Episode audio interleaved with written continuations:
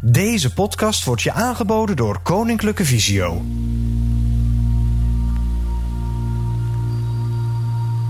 Nou, we zijn aangekomen op de locatie eh, van Nijmegen. We staan in een hele mooie woonwijk, prachtige oude huizen, heel sfeervol.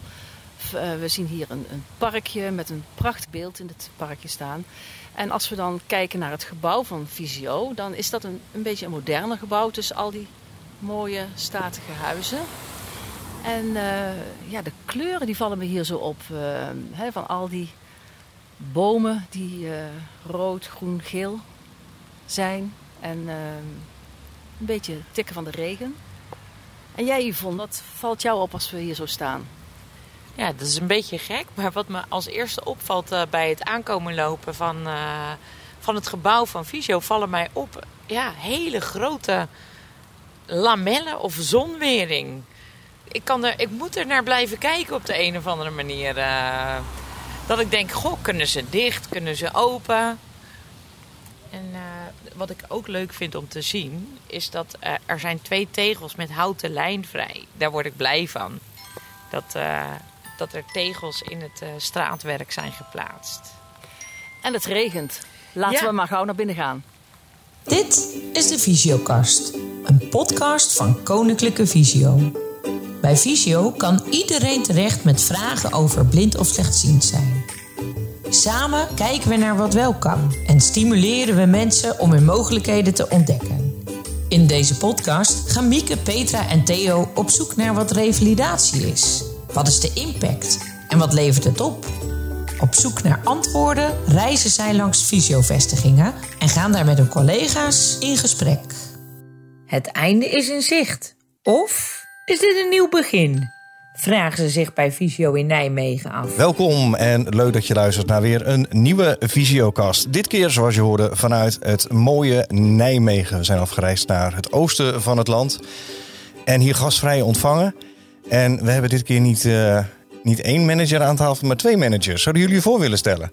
Ik ben eh Frederike Reinoud en ik ben hier op locatie eh, manager volwassenenzorg en voor eh intake regio Zuidoost.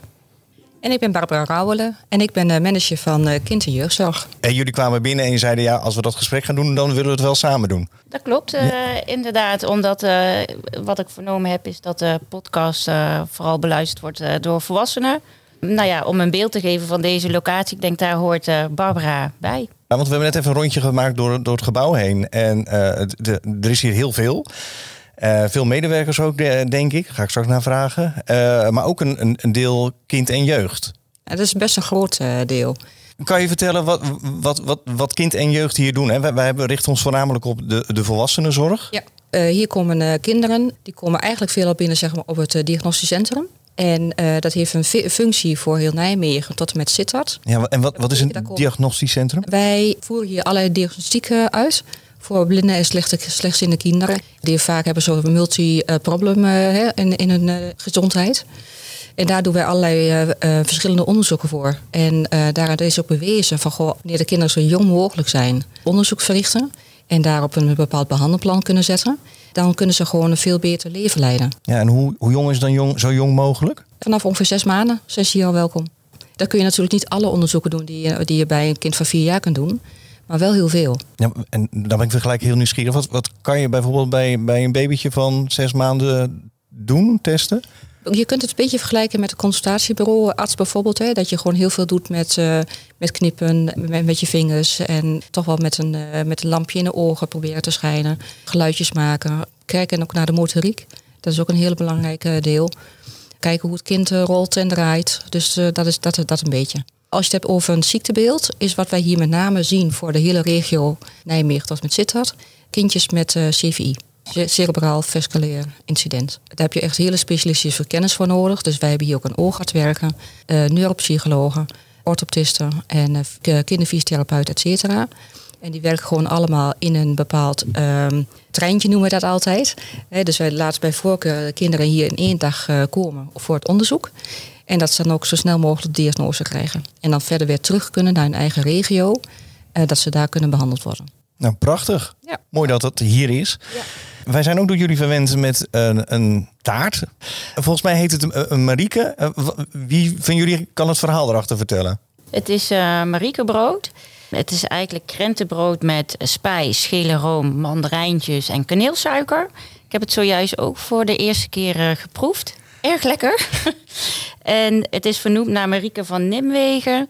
Is een hoofdfiguur uit een toneelstuk uit de 16e eeuw. In het verhaal raakt Marieke uit Nijmegen op het verkeerde pad. Ze heeft zeven jaar in zware zonde geleefd en uiteindelijk komt ze tot inkeer, gelukkig maar. Daar vraagt ze vergiffenis voor, voor haar zondige leven. En eh, zij krijgt drie ijzeren ringen om haar hals en armen gehangen en eh, moet boete doen. En na jaren van boetedoening vallen de ringen af en worden haar zonden vergeven. Nou, mooi verhaal. Ja, ik was weer even terug in 3 HAVO, want volgens mij moest ik het daar voor mijn lijst lezen. maar ja, het, sma- het smaakt heerlijk. Het is een beetje een combinatie hè, van een eh rozijnenbrood en, eh, En Berliner Bol kwam ook in mijn gedachten. Ja. en een puddingbroodje met een beetje spijs erin. ja, het is heel goed ook voor de lijn. Nat. Even terug naar de locatie. Met hoeveel mensen zijn jullie hier in, in Nijmegen? Hoeveel medewerkers? Als je kijkt naar kindjeugdzorg, ja, kindjeugdzorg en volwassenenzorg samen, eh, zijn we met 38 eh, medewerkers. Maar als je kijkt met eh, eh, iedereen waarmee we hier in het pand zitten, ja, gaan we richting de 70 eh, personen. Dat is dus inclusief de ondersteunende diensten.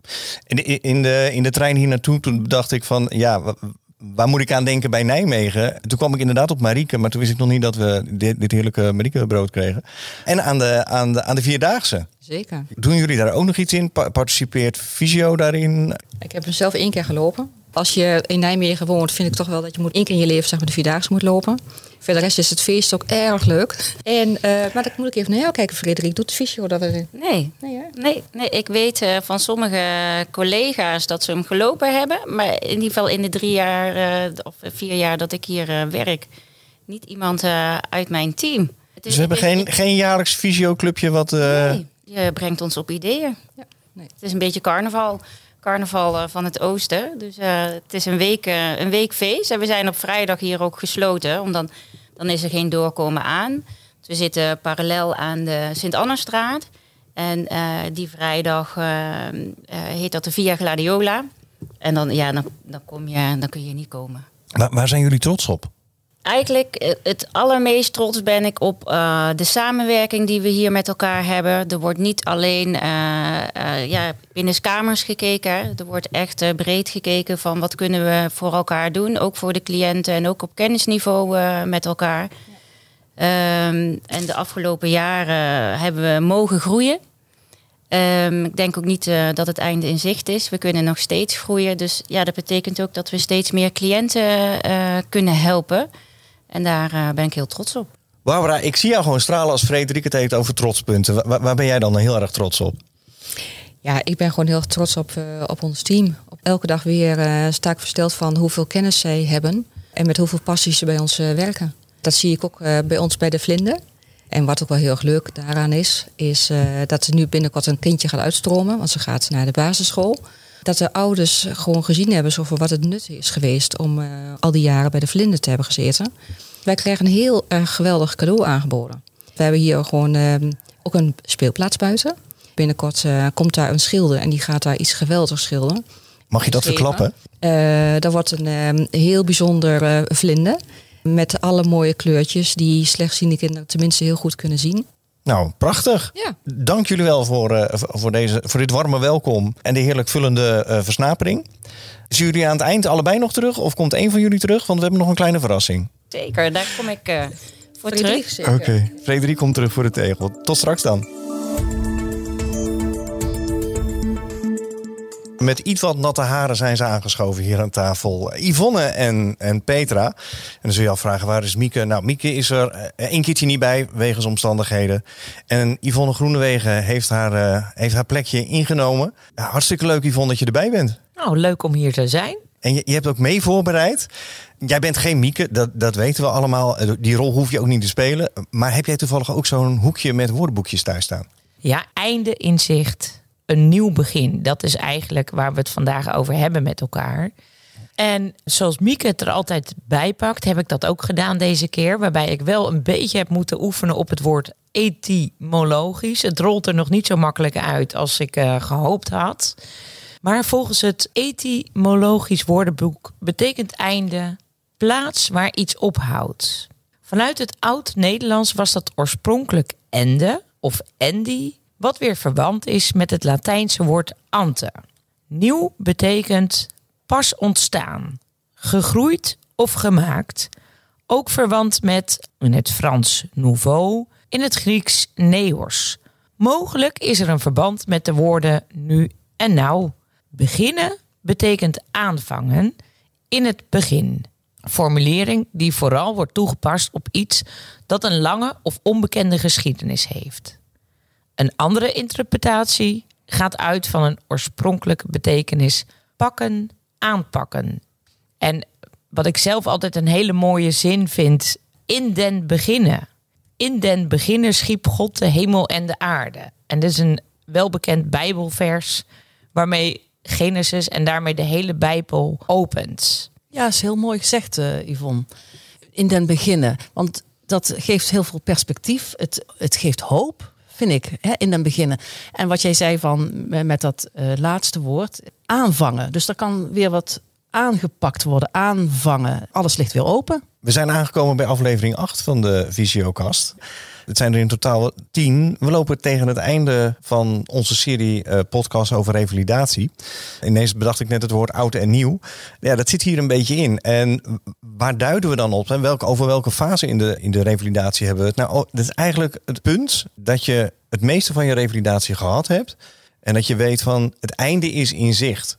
Ik vind het zelf altijd heel lastig om te duiden wat het is. Maar in alle revalidaties die ik uh, tot nu toe doorlopen heb, en dat was niet alleen voor mijn ogen, is dat punt er. Ergens, nou ja, zeg maar op, op drie kwart, zeg maar op een kwart van het einde, dat je ineens denkt, hey, er is wat veranderd.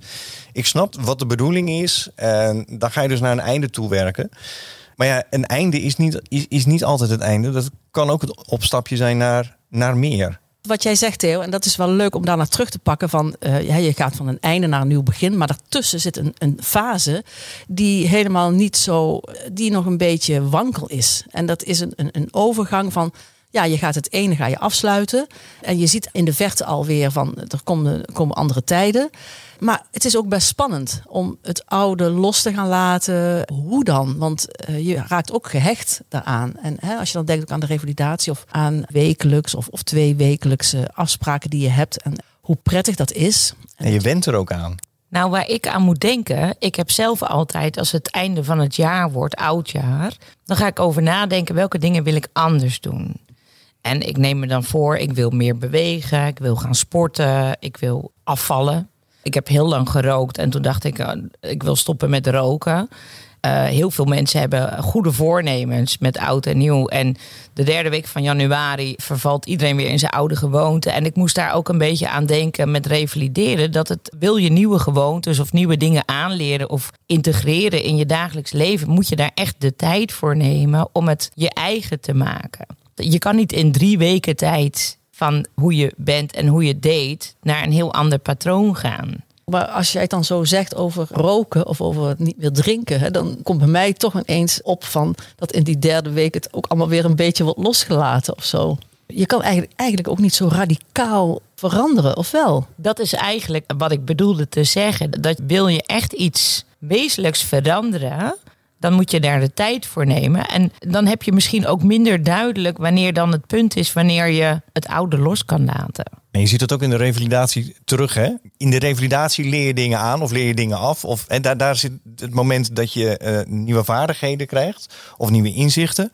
Alleen pas daarna ga je kijken, tenminste dat is mijn ervaring, maar dat is ook wat ik van anderen gehoord heb. Ga je kijken van nou wat ga ik dan echt gebruiken? Soms krijg je meer bagage mee in je revalidatie dan echt handig voor je is alles wat je geleerd hebt, onthoud je uiteraard wel. Ik, ik, ik, weet ook wel dat ik al pas veel later ergens gebruik van ging maken, wat ik al veel eerder gehoord had. Waar denk je dan aan? Nou, gebruik maken bijvoorbeeld van spraakondersteuning op mijn telefoon. Dat doe ik nu vaker, terwijl ik dat uh, acht jaar geleden al tegen mijn cliënten riep die uh, les kregen op hun iPhone.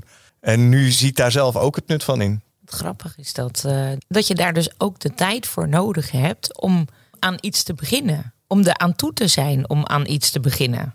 Ja, je kan niet radicaal zeggen van nou morgen dan ga ik het doen. Het is iets wat je, waar je langzaam aan moet wennen, precies wat jij zegt. Waar ik eh, ook een beetje aan moest denken is van hè, als je eh, aan het eh, begin van een revalidatie staat. Tenminste, als je misschien nog niet eens gehoord hebt over revalidatie, ben je onbewust onbekwaam. Je voelt, je gaat merken dat het toch niet helemaal fijn met je gaat. Dat noemen ze ook wel eens bewust onbekwaam. Dat je merkt dat je het niet meer lukt om op dezelfde oude voet verder te gaan. En dan zie ik het zo voor me dat je gaat revalideren en dat je dan bewust wordt van je nieuwe aangeleerde handelingen. Maar dat je daar nog heel erg over na moet denken. En ik heb zelf het idee dat je helemaal opnieuw kan beginnen als je de handelingen onbewust bekwaam kan uitvoeren. Ja, ik zit gelijk te denken natuurlijk aan mijn, wat ik net vertelde over de voice-over ondersteuning op mijn iPhone. Ja, dat ga ik dus nu pas doen, omdat het nu pas handig wordt. En dan ben je dus bewust bekwaam. Het is ook iets wat ook een beetje als vanzelf gaat. Het moet in, inslijten. Als ik dan kijk naar uh, cliënten komen aan het begin van het traject of aan het einde van het traject. En als je dan op het einde zegt van uh, even terugkijkt op uh, hoe het allemaal is gegaan. Dat je dan pas het verschil ervaart. Terwijl zo gaandeweg het hele traject. Dan denk je, ach, het gaat eigenlijk wel. Of het gaat, het gaat heel vanzelf. Je ziet pas als je terugkijkt hoe groot het verschil is. En dat is eigenlijk het mooiste. Dat het zo gaandeweg uh, kan verbeteren of zich kan ontwikkelen. Op, op een manier dat je op een manier kunt leven die meer passend is en, en iets meer uh, comfortabel. Het is ook altijd iets persoonlijks. Ja. Hoe goed iedereen het ook bedoelt, hè? al je behandelaars het ook bedoelen van doe dit, pak dat, prima. Alleen jij bent altijd nog degene die bepaalt of je iets gaat gebruiken. En of je het wilt gebruiken of dat je er iets mee wilt doen. Ja, en het moet je ook een beetje passen. Hè? Ja, er is ook geen blauwdruk natuurlijk nee. voor alle mensen. Maar Yvonne, jij als, als adviescollega uh, zie je ook heel veel cliënten. Hoe is dat loslaten voor jou dan? Lukt dat, lukt dat altijd heel makkelijk? Nee, meestal heb ik uh, in mijn rol als medewerker advies uh, een eerste contact met mensen. Dan vertel ik wie we zijn, wat we doen. En dan vertel ik ook waar mensen uit kunnen kiezen. Of ze zich aanmelden bij Visio. Of dat ze denken, nee, ik, ik red het met de informatie bijvoorbeeld op het kennisportaal. Maar op het moment als ik iemand spreek en ik denk, daar zou het heel goed voor zijn. En iemand wil ook heel graag zich aanmelden en zegt ook van ja, ik heb die hulp nodig. Ja, dan vind ik het heel moeilijk om los te laten in die zin. Dan heb ik ook de neiging om te controleren van goh, gaat die aanmelding wel goed? En is die verwijzing ook echt binnengekomen. En het liefst spreek ik die persoon daarna ook nog zelf. Ik zie zo'n zo klein stukje van een cliënt en ik weet dat men in goede handen komt voor de rest van het traject. Maar dan vind ik het soms nog wel moeilijk uh, om uh, los te laten. Ja, je, bent, je bent betrokken bij uh, de mensen die, die je spreekt. Ja. En, en bij jou, Petra, als we nu tot daarover hebben? Ik ben bewust dat jij het, het beginstukje van het traject doet. Ik als behandelaar, ik ik mag het hele traject doen. Dus dat is altijd mooi. En waar ik net ook aan zat te denken is dat, dat ik maak dan zo een serie afspraken. En die afspraken die worden bijna altijd goed nagekomen. En soms merk ik dan, dan zijn we verder in het traject en dan wordt er een keer een afspraak afgezegd.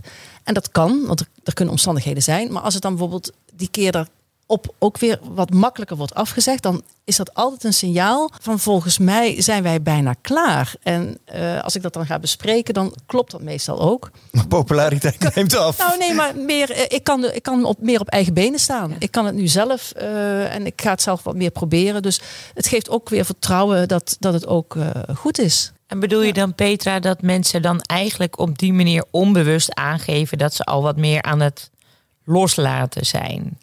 Ja, dat is wel zo. Of misschien ligt de vraag niet meer zozeer bij mij, maar bij iemand anders. Dus, dus er is, het is altijd wel een signaal van de urgentie is er wat af. En Theo, heb jij dat ook wel eens van jezelf meegemaakt? Dat je in het begin uh, heel erg uh, behoefte had aan bepaalde afspraken? En... Ja, zeker in die fase dat je, dat je het einde in zicht hebt. Verandert er gewoon iets in, in mijn houding ten opzichte van waar ik aan het revalideren ben. En ik blijf dat iets ongrijpbaars vinden. En daarom vind ik dit onderwerp heel mooi, maar ook best wel lastig. Want het is, dat, iedereen, voor iedereen is dat persoonlijk, denk ik. En misschien zijn er ook mensen die zeggen van ja, ik herken dat helemaal niet.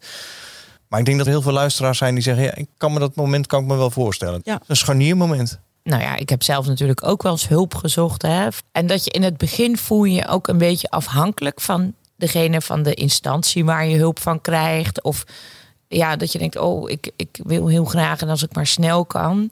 En op een gegeven moment voel je je onafhankelijkheid wat, die krijg je wat terug. Je voelt je wat minder afhankelijk van degene van wie je hulp ontvangt. Hebben jullie dat, uh, Peter? Herken jij daar? Ja, ook dat is in? precies uh, hè, wat ik net zei. En, en ehm, Ja, de hulpvraag is beantwoord, denk ik. Ja, voor dat een groot deel. En, en, en, die is, ja, die is, en hij verandert. Dus, dus het kan ook zijn dat je opnieuw weer een andere insteek moet maken samen.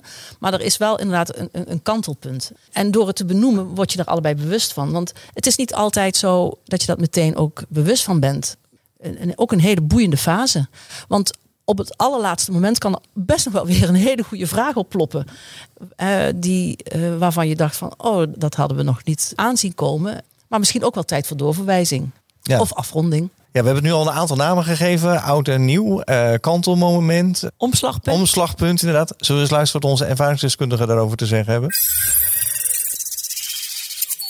Door de revalidatie ben ik zelfstandiger geworden, maar ook weerbaarder. Ik durf nou ook wel aan te geven dat iets niet lukt of dat ik even hulp wil. Maar zelf proberen, zelf uitvinden, je hebt zoveel meer mogelijkheden. Het einde van mijn revalidatie betekende na wekenlang revalideren een nieuwe stap. Hoe je leven in te vullen, de week. Dat was wel een ding, want ja, geen werk meer, afgekeurd, geen vrijwilligerswerk. En ja, wat kun je eigenlijk? Eh, wie wil je hebben met eh, deze beperking? Dat was wel een hele strijd. Het is eh, heel moeilijk om te vertellen wat er allemaal gebeurd is tijdens mijn revalidatieperiode. Dat is een heleboel. Ja, inzichten. Op een gegeven moment moest ik eh, strijken. Ik wilde niet een zakdoek strijken, maar gelijk een overhemd. En het ging eigenlijk vlekkeloos goed, zonder één foutje. En toen kreeg ik het idee van, het is dus niet zo heel erg dat ik steeds minder ga zien. Want het zit gewoon in mijn handen. Ik kan daarop vertrouwen. En wat ik ook heel erg belangrijk vond, dat was tijdens het koken. Dat je gebruik kan maken van de Google Nest Mini. Die je dan eh, na anderhalve minuut een biefstukje om laat eh, draaien. Dan zet je even de timer aan. Dat kan natuurlijk ook met je iPhone, maar dan worden je handen weer vet en zo. Dus dat vond ik ook heel goed en een goede tip van Visio. De ergotherapeut die onderweg tegen je zegt: je zou eigenlijk een hond moeten hebben. En dan denk je maanden na en dan ineens: ja, ik wil een hond. Ik ben nu weer een stuk verder. Ze is geweldig. Mijn lieve geleidehond. Waar ze ook heel erg goed in zijn geweest, dat is dat ik met uh, mijn vriendinnen en mijn broers en zussen moest komen. En dat ik hen het verhaal uh, moest vertellen over uh, mijn slechtziendheid. En dan ga je wel een beetje met de billen bloot, maar het is wel ook heel erg belangrijk dat zij zien door de bril die gemaakt is wat jij eigenlijk kan zien. En dat is voor iedereen eigenlijk een schok-effect. Terwijl het voor mij zo normaal is als wat, want het is mijn dagelijkse leven. Een tweede inzicht, naar aanleiding van mijn vraag. Maar als dat gehoor nou nog verder achteruit gaat, hoe moet ik dat dan oplossen? Ik krijg als antwoord: dan kan je het niet zelf. Mijn opluchting was heel erg groot. Ik hoef dus niet alles zelf te kunnen. Aan het eind van de rit uh, was ik best wel een beetje teleurgesteld dat ik Excel, niet uh, heb kunnen doen. Die heb ik uh, heel hard nodig als ik weer voor 26 scholen een les moet maken voor omgaan met een handicap. En voordat je dan alle scholen op een rijtje hebt en alle vrijwilligers die daar op moeten komen voor de lessen dan is het toch wel erg handig als je een Excel-bestand kan besturen. Nou, dat moet ik nog steeds kierend en zuchtend en hoofdpijnend doen. Want dat kan ik nog niet zonder te kijken. Het revalidatietraject was erg confronterend voor mij. Want daarin werd ook weer duidelijk dat ik van 100% goed hebben kunnen zien nu moet leren leven met mijn visuele beperking en met de daarbij behorende hulpmiddelen. In het begin had ik heel veel weerstand tegen het gebruik van deze hulpmiddelen, want nu kon de buitenwereld helemaal goed zien dat ik het niet goed kon zien. Maar toen ik eenmaal deze schaamte en drempel over was, ben ik erg blij met mijn hulpmiddelen, want deze geven mij vrijheid en veiligheid. Kortom, ik kijk terug op een confronterend, maar uiteindelijk een zeer geslaagde revalidatietraject. Ik laat Visio niet echt los, want het kennisportaal biedt me nog steeds heel veel informatie. En sowieso denk ik heel vaak terug: hoe kan ik dat nou doen? Hoe kan ik dat nou oplossen? Ik heb heel veel handvatten gekregen om daarmee verder te gaan. En voor de rest uh, vond ik het heel erg fijn. Ik heb al mijn doelen bereikt, behalve Excel dan. En uh, ja, aan het eind dan denk je, had ik niet een, uh, toch een, een, uh, een hond moeten aanvragen? Of had ik niet dit, had ik niet dat? Maar ik neem aan dat ik gewoon bij de regionale vestigingen van Visio weer terecht kan als het echt een prangende vraag gaat worden. En terwijl onze ervaringsdeskundigen aan het uh, woord zijn, uh, is, de, is de zon tevoorschijn gekomen. De regen en zon wisselen elkaar vandaag een beetje af. En die schijnen door die eerder benoemde lamellen heen, uh, Yvonne, die jij benoemde aan de, helemaal aan het begin. Ja, inderdaad. Ik word ook helemaal warm van de zon, gelukkig. Mooie reacties wat mij betreft. zijn eigenlijk altijd heel mooi. Ik hoorde er een mooi tegeltje, hoorde ik erin. Tegeltjeswijsheid. Ik hoef niet alles zelf te doen. Dat vond ik ook een heel mooi inzicht wat iemand vertelde te hebben gekregen. En dat het ook een opluchting was om dat te horen, of te voelen of te ervaren. Ja, ik vond het uh, zo leuk om te horen dat er heel veel verschillende dingen zijn die ze meenemen, die geleerd zijn. En inderdaad, van ik hoef het niet zelf te doen. Maar ook, ehm, ik ben zelfstandiger, ik ben weerbaarder. Ik zie weer meer mogelijkheden. Dus heel erg van wow, de, de toekomst ligt weer open. En aan de andere kant hoorde ik ook iemand zeggen die de vragen waren nu beantwoord, maar er liggen nog wel vragen die op dit moment misschien nog niet helemaal geldend zijn, maar mogelijk op een later tijdstip wel zich kunnen aandienen en waaraan gewerkt zou kunnen worden. Gewerkt tussen aanhalingstekens. Dus het hoeft ook niet allemaal meteen helemaal af te zijn uh, voordat je iets afsluit, want je kan altijd weer terugkomen dus dat is ook een mooi vertrouwen hebben in uh, alles op zijn tijd. Ja, dat vond ik ook mooi om te horen. Dat mensen aangaven van uh, ik hoef uh, Visio nog niet helemaal los te laten. Want ik heb het kennisportaal en ik kan altijd nog aankloppen bij een regionaal centrum. Wat ik ook eigenlijk hoorde zeggen, er zei iemand uh, van dat de ergotherapeut zei van goh, zou een hond niet iets voor je zijn? En dat ze dat dat idee even heeft laten zakken. En daarna dacht ja, ik wil een hond. En toen dacht ik, ja, dat zijn ook zaadjes die ook bij jezelf geplant. Eh, ze worden geplant door, dat kan door jezelf zijn of door een ander. Maar dat je ook tijd nodig hebt om dat even te voelen en te ervaren van, goh, uh, is dat iets? Ja, het moet ook rijpen. Wat ik ook een hele mooie vond, dat, dat iemand zei van over dat strijken. He, van ik moet nu een blouse gaan strijken. Hoe doe ik dat? Ik zie het allemaal niet. En uh, dat ze aldoende merkte van ja, maar ik heb het niet verleerd. Het zit gewoon in mijn handen. En dat vind ik ook een mooie. Dat je eigenlijk meer in je rugzakje hebt als dat je aanvankelijk denkt. En dat je denkt, ik moet alles nieuw doen of alles nieuw opnieuw leren. Maar uh, je neemt het gewoon mee op een andere manier. Ze zei ook van, ik kan erop vertrouwen dat het in mijn handen zit. En dat vertrouwen, dat is, dat is denk ik, ja, je moet het eerst hebben ervaren dat je het kan. Wil je dat vertrouwen, ja, wil je dat krijgen? En dat bouw je denk ik steeds uh, beetje bij beetje op.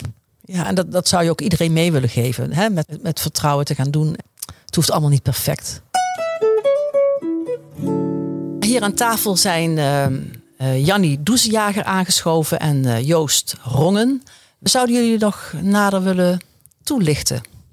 Ik ben Jannie Doezia. Ik ben uh, maatschappelijk werker hier in RC Nijmegen voor de volwassenzorg. En ik was haar cliënt uh, lang geleden.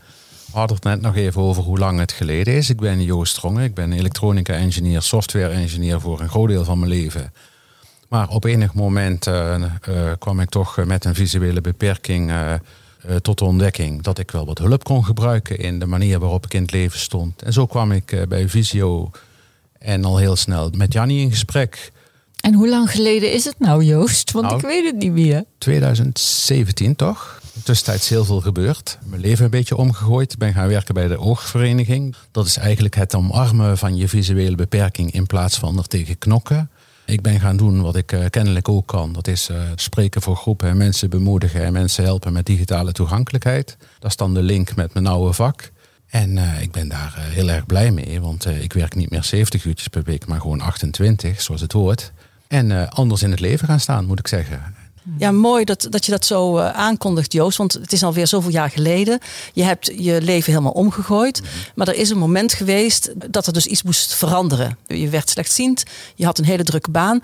Het thema van vandaag, dat gaat ook over einde in zicht. Hè? En, en wat komt dan daarna? Hoe heb jij dat kunnen realiseren? Dat behoeft een hele Inzetten. korte inleiding. Ik werkte als zelfstandige in de IT heel hard. En waarom werkte ik heel hard? Ik heb al sinds mijn geboorte heb ik een eh, eh, visuele beperking. Nystagmus heb ik aangeboren. En ik heb dat eh, 50 jaar van mijn leven ontkend, denk ik. En op enig moment kwam ik toch wel in de knoop met hoe sta ik in het leven, hoeveel energie heb ik eigenlijk. De dingen kosten mij meer energie dan de gemiddelde man on the street, zeg maar. Ik liep op een gegeven moment een beetje vast in de dingen. Ik had een volle agenda, ik voelde me de hele dag opgejaagd. En dacht van, nou, ik moet er iets mee. En de eerste gedachte die ik had van, ik heb een paar hulpmiddeltjes nodig... die niet in mijn eigen trucendoos zitten. En dan dacht ik in eerste instantie nog aan technische hulpmiddelen. Maar dan kom je in het traject eh, hier bij Visio in Nijmegen... En eh, dan moet je eigenlijk langs, eh, langs de brillenman... en uiteindelijk ook langs de maatschappelijk werkster. En Jannie die had al heel snel door van nou, het gaat niet helemaal goed met hem. Misschien moet ik eh, toch nog eens een vervolggesprek met hem hebben. En dat werden een heleboel vervolggesprekken. Waarin zij mij bewust maakte van het feit dat ik dingen anders moest gaan doen. Met andere woorden, ga leven met je handicap in plaats van er tegen knokken of ontkennen. Ga er niet voor weglopen, maar deal ermee op een gezonde manier. Ik heb daar denk ik eh, eh, een heleboel mee gedaan. Vanaf het moment dat, ik, dat wij die gesprekken hadden al. Maar niet alles kan je in één klap realiseren. Maar in de twee jaar daarna wel.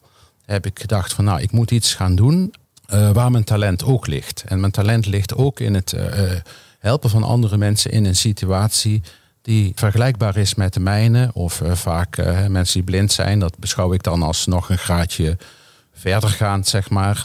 Als ik die mensen kan gaan helpen met mijn ervaring en mijn kennis. En ik kan het nog een beetje toespitsen op de IT. Daarom doe ik nu digitale toegankelijkheid. Dan heb ik eigenlijk precies wat ik zou moeten hebben om die balans weer terug te vinden. Ik heb ook vrij rigoureuze maatregelen genomen. Ik ben ook echt toen wij al in gesprek waren, klanten af gaan bellen van dit is het laatste traject wat ik voor je doe. En dan eh, ga ik het eh, eh, overdragen. Nu ik jou weer zo terug hoor, Joost. Ik komt een herinnering boven. Ik weet nog dat ik jou eh, uit de wachtkamer haalde. En dan was jij aan het werk in de wachtkamer. Ja. Je bent een hele gedreven man. En eh, ik, ik weet nog dat ik dacht, wow, hier moet ik iets eh, mee. Want dit, hè, je zit op mij te wachten voor een gesprek. En ondertussen was Joost gewoon aan het werk. Joost, ik merk dat jij heel veel eh, fijne gesprekken hebt gehad met Jannie. Had jij op een gegeven moment dat je dacht, "Hmm, nu heb ik Jannie iets minder nodig? Of de gesprekken met Jannie iets minder? Ja, dat had ik wel. Maar ik vond het vooral hele prettige gesprekken. Want ik had iets te weinig mensen om mij heen waarmee ik open over de dingen kon spreken, zeg maar. Die mij uitdaagden om het eh, echt over de kern van de zaak te hebben. Daarom vond ik het vooral heel prettig. Maar natuurlijk realiseerde ik mij van dit is een traject. Het heeft een begin en een einde. We moeten ergens naartoe werken. En ik realiseerde mij ook heel erg goed. En nu is het aan mij om daar iets mee te doen. Dat is uiteindelijk moet je toch zelf doen. En eens een keer eh, praten over de dingen, dat lucht ook heel erg op soms. Dat onder woorden brengen zet jezelf ook tot nadenken.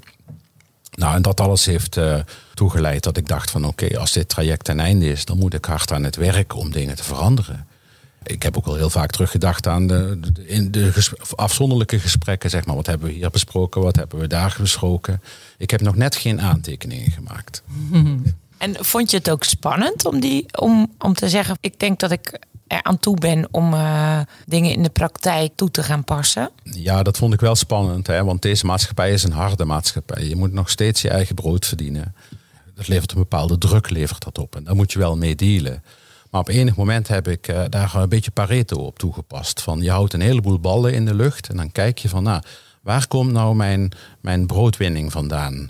Toen bleek dat 20% van het werk wat ik deed 80% van mijn inkomsten opleverde. Nou, dan moet je daar iets mee. En dat was voor mij heel duidelijk. En dat werd bevestigd door wat Jannie ook al tegen mij zei. Van ja, je moet wel teruggaan naar de kern. Van wat kan je goed? Waar krijg je energie van? En wat kost energie? Waar loop je op leeg? Nou, er waren een heleboel dingen die weinig opleverden, maar waar, waar ik wel op leeg liep. En het is echt een feit, denk ik nu, dat, dat kan ik wel zeggen, dat met een visuele beperking kosten dingen meer energie. Ja. En omdat het bij mij aangeboren was, ben ik me dat heel lang niet zo bewust geweest. Maar het put je wel uit. En dan kun je daarmee door blijven gaan, maar dan val je stil op enig moment. En heb jij nu geleerd om met de signalen van vermoeidheid anders om te gaan? Is dat, herken je ze eerder? Of, of? Nou, ik heb er nog wel eens moeite mee dat ik iets te gedreven ben, eh, zeg maar. Dat ik 40 uur werk terwijl ik er maar 28 hoef te werken. Maar ik leer elke dag nog bij, dat is één. En ik heb de stelregel, als ik vrij ben, ben ik vrij. Dus als ik in de trein zit, terug van mijn werk, dan zit ik een uurtje in de trein. Dan hoef ik niet de telefoon aan te nemen, dan hoef ik niet te werken. Dan luister ik een podcast of ik luister helemaal niks. Ik kijk uit het raam. Ik probeer echt dat gevoel van ik ben vrij te hebben. En het lukt me best aardig. Ik lees boeken, luister boeken vaak. Doe wat andere dingen met vrienden. Sport meer, twee keer in de week sporten. Af en toe een wandeling met een goede vriend. Dat is ook goed om even bij te praten over dingen. Ik sta anders in het leven, denk ik. En ik denk dat ik nu ook toegankelijker ben voor anderen. Maar ook eerder geneigd ben om uh, op een andere manier te helpen dan waar ik het vroeger deed. Altijd zeggen dat ik geen tijd had. En uh, dat is toch een verschil. En dat hebben mensen ook wel gemerkt aan mij. Sommige mensen hebben ook wel gezegd van wat, wat is er met jou aan de hand? Je bent heel ander, anders in het leven gaan staan. Moet er wel bij zeggen dat ik uh, in die tussenperiode ook nog even lichamelijk ziek ben geworden. En dat draagt ook bij aan het bewustzijn dat je niet jezelf voorbij moet lopen. Dat, dat je goed op jezelf moet passen. Dat je ja, één, één hoofd en één lijf hebt en daar moet je mee doen en daar moet je zuinig op zijn. Je noemt eigenlijk ook heel veel leuke dingen ter ontspanning. Maar dat is best ook al een heel lijstje. Wat je zo uh, achter elkaar opnoemt. En ik kan me voorstellen dat dat ook best wel. Uh, ook soms wel vermoeiend kan zijn. Ook al is het heel leuk en heel fijn. En hoe, hoe doe je dat dan? Nou, er zit een heel groot verschil hè, tussen iets moeten en iets doen omdat je het leuk vindt. Dat maakt qua energie een heleboel uit. Vroeger maakte ik uh, software, bouwde ik uh, softwareprogramma's op mijn computer, zeg maar, voor, voor bedrijven of voor anderen. En nu doe ik nog wel eens wat voor mezelf, voor de hobby. Als ik geen zin meer heb, stop ik ermee. Er zit totaal geen druk achter, niks aan de hand. En dat maakt dat je er op enig moment bij het omslagpunt komt van kost het me energie hmm. of levert het energie op. Vroeger moest ik wel eens een nachtje doorhalen om mijn werk af te krijgen. Nou, daar is nou geen sprake meer van. Ik ga heerlijk rustig slapen, slaap binnen vijf minuten in. Uh, ben helemaal niet aan het malen en uh, slaap ook een paar uurtjes meer dan vroeger. Dus het voelt een stuk gezonder. En de tijd die je besteedt aan bijvoorbeeld een goede wandeling maken, is soms beter besteed dan een tijd besteden aan het uh, perfectioneren van je werk of andere dingen. Ik probeer mensen altijd bewust te maken van hun lichaam. Zo van voel ook de signalen. hoe voelt moeheid? Ik heb mensen die in traject komen die zeggen: Ik ga altijd met hoofdpijn naar bed. Al jaren. Dat soort bewustwording probeer ik eh, door vragen te stellen wel op gang te brengen. Wat zegt dat lichaam dan eigenlijk tegen jou? Hè? Met hoofdpijn of, of schrijnende, brandende ogen of dat soort zaken. Ik denk dat dat ook essentieel is in de omslag. Oh ja, hoe voelt moeheid? En, en dan eraan toegeven. Hè? Of zeggen, oké, dan ga ik stoppen. Wat ik jou hoor zeggen, dat hoor ik eigenlijk ook bij Joost. Je hebt een aanknop en je hebt een uitknop. En soms uh, weet je niet als die eenmaal aanstaat, dat je hem ook uit kunt zetten. En wat jij zegt, Jannie, van ik ga op zoek van wanneer kun je hem uitzetten. En, en jij zegt van lichamelijke signalen die, uh, die helpen daarbij. Precies. Ja. En, en naar leren luisteren. Hè? Want vaak voelen mensen soms wel dingen. Hè? Maar ja, dat wuiven ze gewoon weg. Van nee, dit moet af. Of dit wil ik in twee uur af hebben. Of zijn de, de dingen die moeten. En wanneer uh, is er dan dat jij denkt van dat er ook een moment is van nu hebben ze dat onder de knie of nu, nu is die bewustwording heel goed op gang gekomen, nu kunnen ze ook meer naar handelen. Is dat dan ook een moment voor jou om te kijken van nou nu komen we een beetje op het einde van, van het traject. Wanneer is dat voor jou? Uh...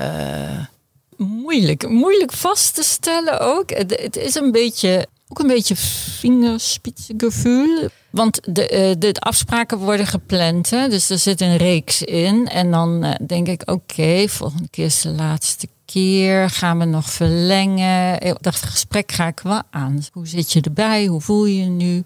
Ik probeer het in overleg te doen. Dat heb je met mij constant gedaan. Ja. Je zei steeds van, we hebben nog drie gesprekken gepland staan. We hebben nog twee gesprekken gepland staan. Je deed dat heel precies, van, om mij aan te geven van, we werken wel ergens naartoe. Hè. Het Ja. is niet oneindig. Ja, maar dan moet ik er eerlijkheidshalve bij zeggen. Sommige mensen heb ik er wel langer. Maar dan eh, ga ik ook wel het gesprek aan van... Goh, ik heb het idee dat, ik niet, dat we hier niet verder komen. En dan ga- eh, bespreek ik ook opties voor verwijzen. Jani, had jij het idee dat je mij los kon laten toen wij eh, klaar waren met de geplande sessies? Ja, bij jou wel. En, en weet je, dat kan ik niet goed... Als je dan vraagt van waar, zou, waar ligt dat dan aan? Ja, maar je, jij pakte ook, jij bent ook wel praktisch ingesteld. Of, je pakte ook wel dingen meteen op. Bij jou heb ik daar niet eh, over getwijfeld. Ik zelf eigenlijk ook niet hoor. En omdat ik me ook gaandeweg het traject, het gesprek met Jannie realiseerde van, ik ben ook afscheid aan het nemen van de schaamte. Ik heb een visuele beperking die niet iedereen opvalt, regulier onderwijs gedaan, altijd geprobeerd in mijn leven om regulier mee te blijven doen. Vandaar ook die uitputting, hè, dat je die, energie, je loopt daarop leeg op enig moment. Gaandeweg de gesprekken met Jannie dacht ik ook van ja, ik, ik kan daar gewoon open over zijn. Dat is eigenlijk, eh, iedereen ziet het toch aan mij, al denk ik van niet. En dat geeft ook een enorme verlichting, moet ik zeggen. Daar sta ik nu ook veel anders in dan vroeger. Dat had eigenlijk 25 jaar eerder moeten gebeuren, als ik daarop terugkijk. Ik heb zelf geen visuele beperking, maar ik herken wel eh, een stukje gedrevenheid, het goed willen doen, je stukje ontspanning uitstellen omdat eh, bepaalde dingen voor laten gaan. Eigenlijk wat jij vertelt, zou ik iedereen gunnen. Dat iedereen ervoor uit durft te komen, zeg maar, dat je iets niet kan of dat je hulp nodig hebt. Dat is het. De enige die mij de hand boven het hoofd hield, zeg maar, was mijn vrouw thuis. Die zei van, kan ik je helpen? En moet je niet een beetje zo, een beetje zo? En doe nou eens even rustig. En eh, probeer eens te ontspannen. En wees eens niet zo perfectionistisch. Zij was mijn klankbord eh, daarin. Maar op een of andere manier neem je dat, ja, met alle respect voor mijn vrouw natuurlijk, neem je dat niet helemaal serieus. Je denkt van ja, jij snapt niet waar ik mee bezig ben. Jij snapt niet dat dit nu af moet. En dan moet er iemand van buiten een keer tegen je zeggen van joh, wat jij doet allemaal is niet gezond. Is, je moet daar echt anders mee om leren gaan. En Jannie zei niet tegen mij, je moet het morgen anders doen. Maar ze zei, je moet er anders mee om leren gaan. Dus wij gingen dat gaandeweg, gingen we dat traject in. En dat heb je heel erg goed gedaan. Want eh, ik, ik werd echt daarin meegenomen in, in alle dingen die mij belemmerden in het veranderingsproces. Eigenlijk ging jij als ziende door het leven. Ja, absoluut. Dat ga ik nu nog, alleen nu als eh, gedeeltelijk ziende, zullen we maar zeggen. Daar zat de bewustwording zo van... eh, ik loop op mijn tenen de hele dag. En ik vergelijk mezelf met de anderen die allemaal goed kunnen zien. Wat er bij mij in me opkomt, je hebt erkend dat je slechtziend bent, maar je bent eigenlijk beter gaan zien. Ik ben heel wat beter gaan zien. Ik vang veel beter signalen op. Kan beter de tijd nemen voor dingen. En ik durf ook gewoon te zeggen van nou, dit, eh, dit, dit kost mij meer tijd of dit ga ik niet doen. Dat kan beter iemand anders doen. En wat ik ook geleerd heb, ik kwam hier weliswaar te laat voor deze afspraak, mijn excuses, maar ik was toch niet gestrest. Dat is ook iets wat je moet leren. Dat je, dat je moet leren van nou oké, ik doe mijn best, weet je, en dat is wat het is. En als het stoplicht in het verkeer op rood staat, dan ga ik daar echt niet doorheen rijden. Dan moet je daar gewoon voor wachten. Dat is een hele andere levensattitude, moet ik zeggen. Joost, ik, ik heb nog, een- ja, terwijl jij zit te praten, heb ik een, een keuze voor je bedacht. Ik weet niet of je hem leuk vindt. Maar ik was eigenlijk benieuwd naar welke periode vind jij het mooist? De, de periode voor je revalidatie of de periode waar je nu in zit na je revalidatie? Ik hoor je namelijk met zoveel passie ook praten over die werkweken van 70 uur. Ja, dat is absoluut zo. Kijk, als je iets kan, en ik wist van mezelf dat ik ook wel iets kon, dat ik me kon onderscheiden van, van de ander.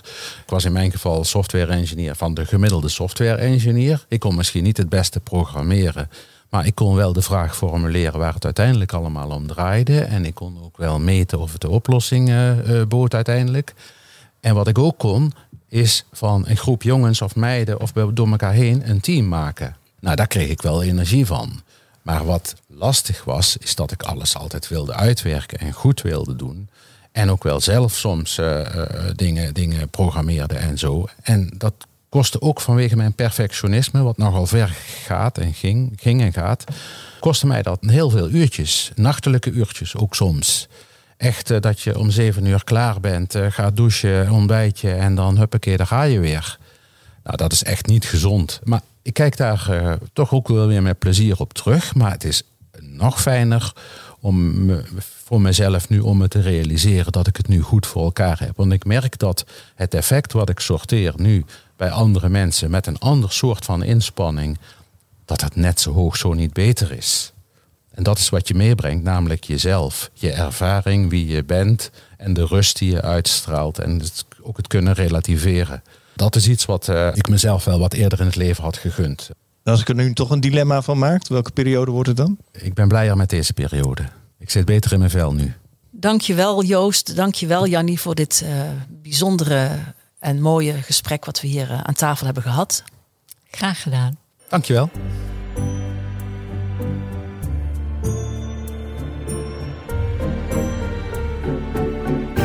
Voor het audioportret gaan we deze keer naar Arnhem. Ongeveer 20 kilometer noordelijk van hier woont Corrie van der Sar.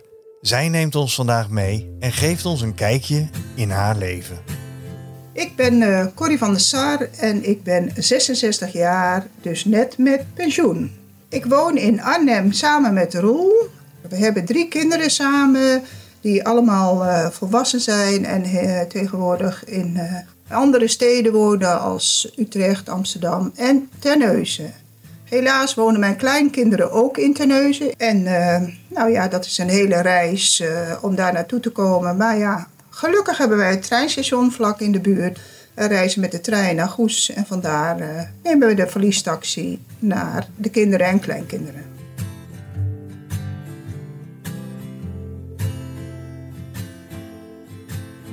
Inmiddels ben ik blind. Ik heb vroeger gewoon gezien tussen aanhalingstekens. Ik heb de oogaandoening retinitis pigmentosa, maar dan de atypische vorm. Dus ik heb niet een duidelijke kokenvisus gehad.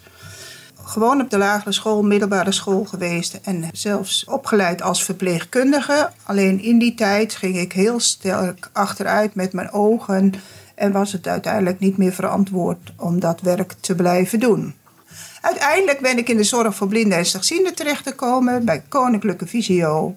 Ik gebruik een blinde geleidehond om me te oriënteren en te wandelen op straat. Ik ben niet heel sterk in oriëntatie, dus wij doen heel vaak vaste routes. Ik heb een partner die blind is, dus we kunnen elkaar ondersteunen op het gebied van wat we nodig hebben aan hulpmiddelen. Nou ja, wat we hebben natuurlijk een Daisy-speler, een computer met spraak en braille. Toen ik begon te werken ben ik met een stok gaan lopen. Daarvoor dacht ik nog dat ik zonder stok kan lopen. Maar goed, mijn ogen gingen natuurlijk wel achteruit. En het was ook wel belangrijk als ik andere mensen vertelde dat het belangrijk was om aan te geven dat je slecht zag. Dat je dat ook zelf uh, uit moest dragen. In het begin uh, vond ik dat spannend. Het was iets wat niet makkelijk is om uit te komen voordat je slechtziend bent. Want dan zien mensen het in de buitenwereld. Maar het heeft je ook veel gebracht, want een stok, als je er eenmaal goed mee kan overweg kan, geeft ook uitdagingen en de mogelijkheden om makkelijker ergens te komen.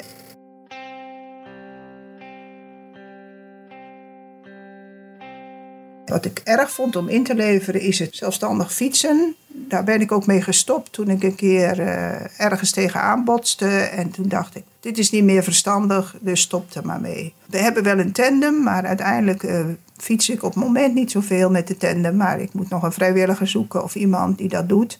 Ik fiets wel uh, soms met mijn dochter of met mijn zus of met vriendinnen.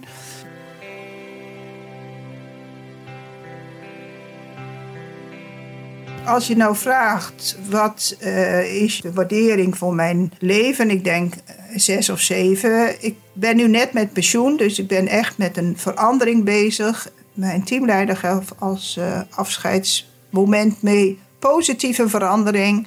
Dus daar ga ik gebruik van maken en ik ga leuke dingen gaan doen. Ik ben aan het kijken of ik toch nog iets van vrijwilligerswerk kan doen.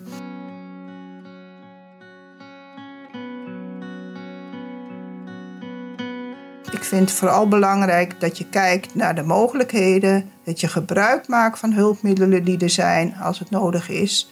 En uh, probeer mensen zo positief mogelijk te benaderen. En als mensen je helpen, zeg je gewoon dankjewel. En als je het zelf kan, zeg je ook, ik kan het zelf. Het audioportret van onze oud-collega Corrie van der Sar. Wil je hierop reageren of heb je vragen aan Corrie? Stuur dan een berichtje aan visiocast.visio.org.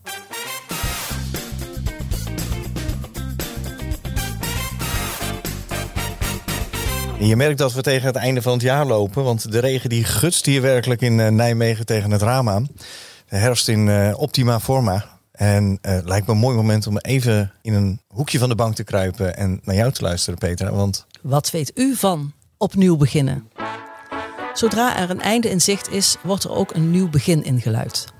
Onlangs hebben we het meegemaakt met de pandemie. Toen het einde in zicht was, konden er weer nieuwe plannen gemaakt worden. En we wilden allemaal weer naar buiten vrienden en familie ontmoeten, feestjes inhalen, lekker op vakantie gaan of een terrasje pakken zonder je vaccinatiecode te hoeven laten zien. Alles kon en mocht weer en toch was alles anders. Ik werd er een beetje onzeker van. Mag ik nu wel of niet handen schudden? Wie geef ik een omhelzing en wie zeg ik alleen gedag? Zal ik wel of niet gaan vliegen? Of kies ik nu liever voor een vakantie in eigen land? Ik heb immers ontdekt dat de Waddeneilanden of langs de Friese meren fietsen ook een prima vakantiebestemming is. Zoveel nieuwe mogelijkheden.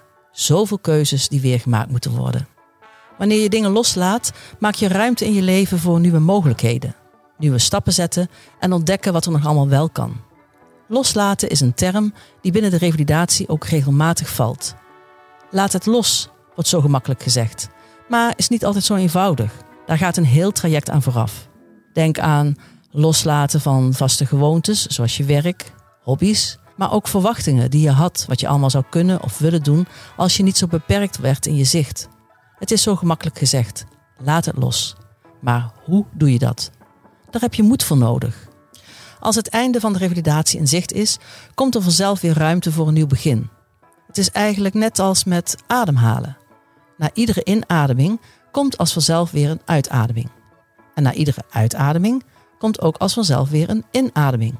Daar hoeven we niets voor te doen. Soms stokt de adem even, zetten we hem vast en houden we de adem in. Maar zodra de spanningsklachten afnemen, kan ook de adem weer vrijer stromen. Komt er weer meer ruimte en gaat het ademen als vanzelf. En zo zal het ook gaan na het revalideren. Je sluit een traject af en hebt ineens weer tijd en ruimte om te gaan ontdekken dat er naast alle trainingen en gesprekken weer een leven is die je helemaal zelf mag gaan invullen. Met de mogelijkheden die je aangereikt zijn en waar je kennis van hebt genomen. Tijd en ruimte voor nieuwe dingen. Een nieuwe routine zal er komen, maar er zullen ook afleidingen zijn waardoor je even de routine kwijt bent. Maar langzamerhand komt die structuur er en ga je je eigen pad bewandelen en nieuwe mogelijkheden ontdekken. Het fijne is dat je steeds weer opnieuw mag beginnen, als je even niet meer weet. In de meest uiteenlopende situaties fluister ik het mezelf ook vaker toe. Begin maar opnieuw. Deze woorden stellen me gerust en geven me vertrouwen dat het oké is, waardoor ik de spanning gemakkelijker van me af kan laten glijden. Het vraagt soms om moed en vastberadenheid om steeds opnieuw te beginnen, maar het geeft bovenal levenszin en perspectief. En om met Loesje te spreken, als je alles loslaat, heb je twee handen vrij om de toekomst te grijpen.